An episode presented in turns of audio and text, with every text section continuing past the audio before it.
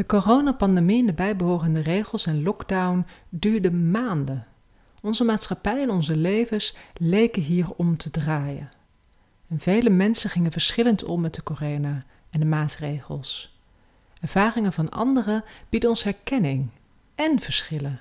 Hiernaar te luisteren vergroot wellicht je vermogen om met omstandigheden om te gaan, ook nu corona weer minder aanwezig lijkt. Neem bijvoorbeeld de emotionele ervaring van Brian. Die is gewoon neutraal. Hoe krijgt Brian dat met enkel van de hulp van natuur voor elkaar? Mensen weten niet hoe goed ze het hebben. We zijn verwend. Tja, het gaat nu even twee jaar wat minder. Wat zou het? Zouden we dat niet overleven dan? Na zoveel jaar van te veel te goed. Natuurlijk wel. Brian veegt wit zand tussen de voegen van het juist gelegde tuinpad. Zijn schaft is voorbij, maar Brian nodigt me uit om verder te kletsen terwijl hij werkt. Als hovenier met een eigen bedrijf is tijd immers geld en hij kan breien en praten, zoals hij dat zelf zegt. Doordat ik mag blijven, krijg ik de nodige frisse, zeg maar rust ijskoude lucht en beweging. Van het tuinpad volg ik hem naar zijn busje en weer terug naar het perkje en weer heen en weer terug. Hoe, mijn stappen tellen zal wel op hol slaan.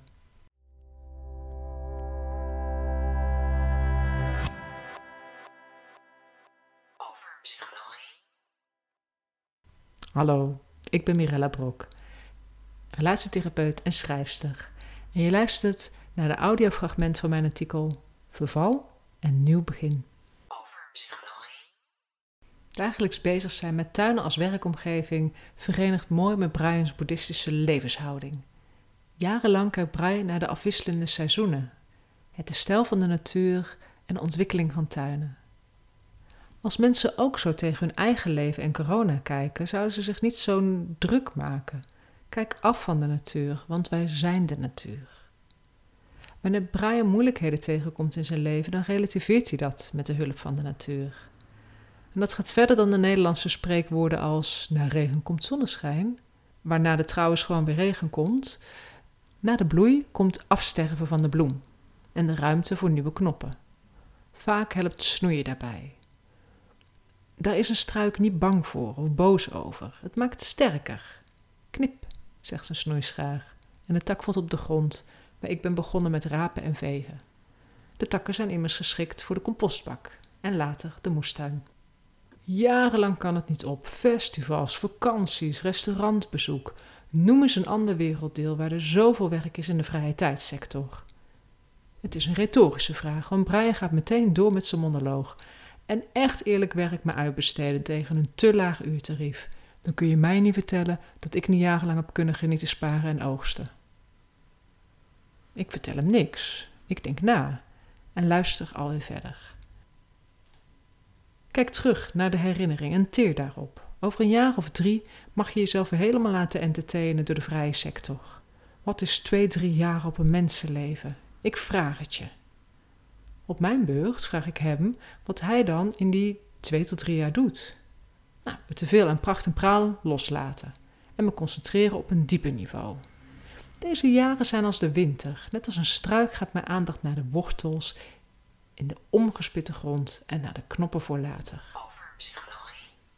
Hoe zien zijn dagen er dan concreet uit? Het afgelopen jaar en het komend jaar? Brian antwoordt dat hij net als anderen veel thuis zit. Hij voelt zich daar niet opgejaagd of somber over. Doordat hij hobby's opzoekt die bij thuis blijven horen, blijft hij bezig en voelt hij zich stabiel. Lezen, schrijven, gitaar spelen, muziek maken op zijn computer. Eindelijk is aandacht voor zijn eigen tuin. Het is een handjevol van de vele activiteiten die hij s'avonds en in het weekend doet. En dat lijkt best voor een introvert persoon. Maar wordt het voor een extravert persoon op de duur niet saai? Ik ben extravert en ik vind het niet saai. Ik zie het als een verrijking van mezelf. Brian's oud en nieuw in 2021 was niet zoals andere jaren. Meestal viert hij dat in een groot gezin waar hij vandaan komt. Nu vierde hij het alleen. De zomervakantie van Brian bestond dit jaar niet zoals gewoonlijk uit een bonte verzameling busjes van zijn vriendengroep die trekken langs Mediterraanse campings. Het was echt een stuk stiller en eenvoudiger. Zo in mijn eentje met mijn mountainbike en mijn boek. Toch bracht alleen zijn Extra vechte Brian niet van zijn stuk. Brian verlangt niet volop naar de momenten waarop hij straks weer in zijn sociale leven kan. Hij wacht gewoon geduldig af. Dan doet het gemis geen zeer. Brian weet dat zijn sociale leven andere jaren vanzelf wel weer komt. Ook dit gaat voorbij. En ondertussen geniet Brian van andere dingen.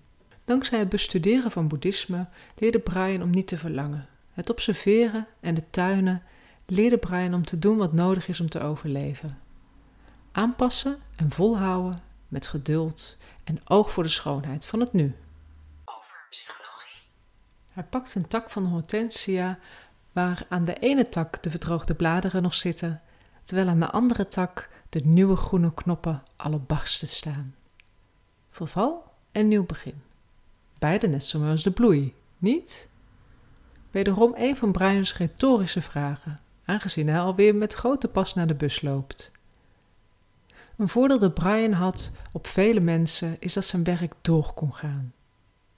Dat betekent voor hem financiële zekerheid en bekende regelmaat. Is het daardoor gemakkelijker voor hem om nuchter te blijven? Zelf denkt Brian dat dat wel meevalt. Als ZZP'er in een sterk concurrerende branche staat mijn financiële zekerheid al veel langer op spanning. Vooral omdat ik weet dat ik nog maar een goede 15 jaar in het vak kan werken. Ik kijk hem niet begrijpend aan. Tja, op mijn vijftigste ben ik vast niet meer zo sterk als nu. Spanningen over financiën verdraagt Brian wel. Ook als straks economische domino ervoor zorgt dat mensen geen geld hebben om mij in te huren.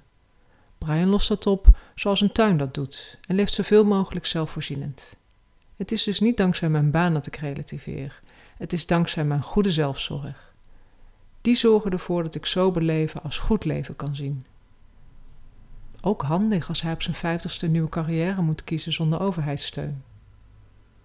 Doordat Brian niet veel verlangt, raakt hij ook niet veel kwijt. Vrijheid lijkt hij gemakkelijk te vinden in zijn eigen houding. Gezondheid in zijn levensstijl. Geld in natura. En als het even minder is, dan accepteer ik dat lijden. Dat is hier gemakkelijker dan in andere tijden en andere werelddelen, zou het niet. Mensen hier moeten zich niet zo druk maken. Fluitend keert hij de warme composthoop op, alsof het niets is.